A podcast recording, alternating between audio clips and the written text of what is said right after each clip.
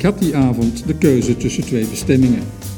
De eerste was de opening van het filmfestival in Malaga, waar de rode loper ging uitgerold worden voor allerlei ook verblindend mooie acteurs en actrices, waaronder vrouwen met lange benen en nieuw aangeschafte borsten, en mannen met getrimde baarden en een artistiek staartje in het dunnende haar.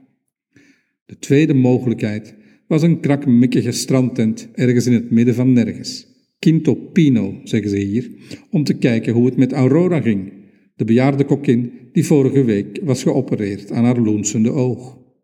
Ik besloot om voor de tweede optie te kiezen, want een mens kan maar aan een beperkte hoeveelheid plastische chirurgie blootgesteld worden op één avond, vind ik.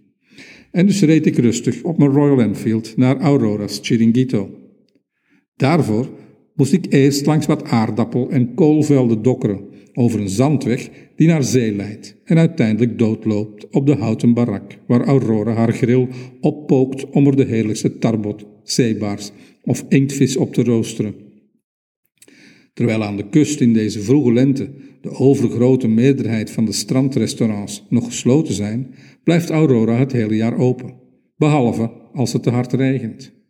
Dan is de toegangsweg ondergelopen en regent het binnen. Hoewel er een gemene oostenwind stond, bleef het die avond gelukkig droog.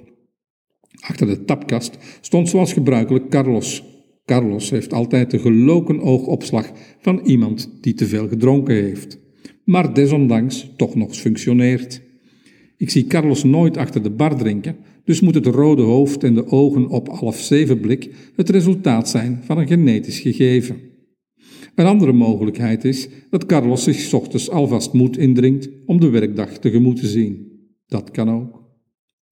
Met Aurora ging alles prima gelukkig. Ze keek alweer rechts, zei het niet helemaal helder uit ogen.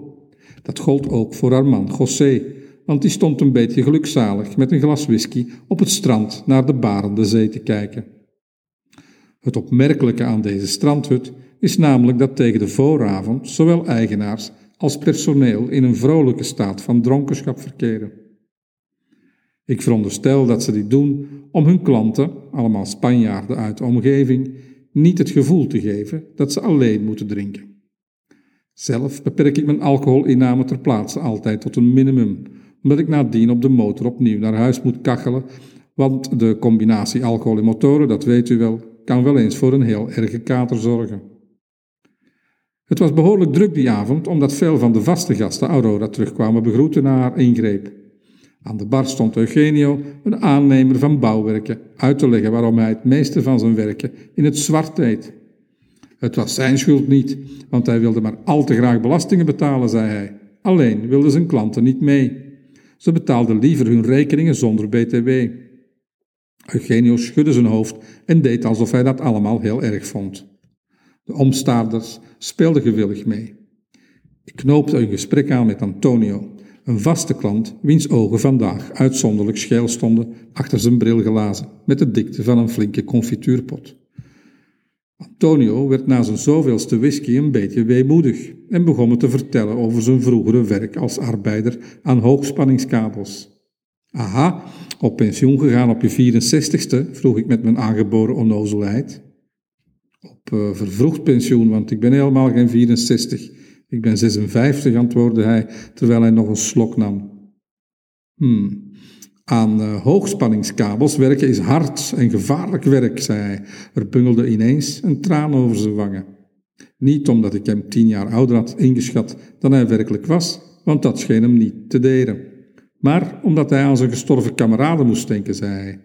Gevallen of geroosterd, zodat de mensen elektriciteit zouden hebben, riep hij plots dramatisch. De omstaanders knikten grommend. Meer vanwege de hoge elektriciteitsprijzen dan voor de geëlectrocuteerden, vermoedde ik. Ik besloot langzaamaan op te stappen. Op de weg naar buiten kwam Aurora me omhelzen om me te bedanken voor het bezoek. We keken samen naar de zee, die nu woest haar golf op het strand smeet. Ik hoop dat het snel weer zomer wordt, fluisterde Aurora en liep terug naar de bar. En ik weet waarom dat ze dat hoopt, want in de zomer, nadat het vuur van haar grill uit is en de nacht is gevallen, loopt Aurora stevast naar de zee, waar ze zich uitkleedt en poedelnaakt in het water duikt.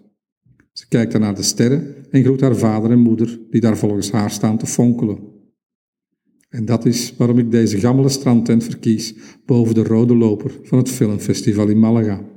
Want hier zijn de sterren echt.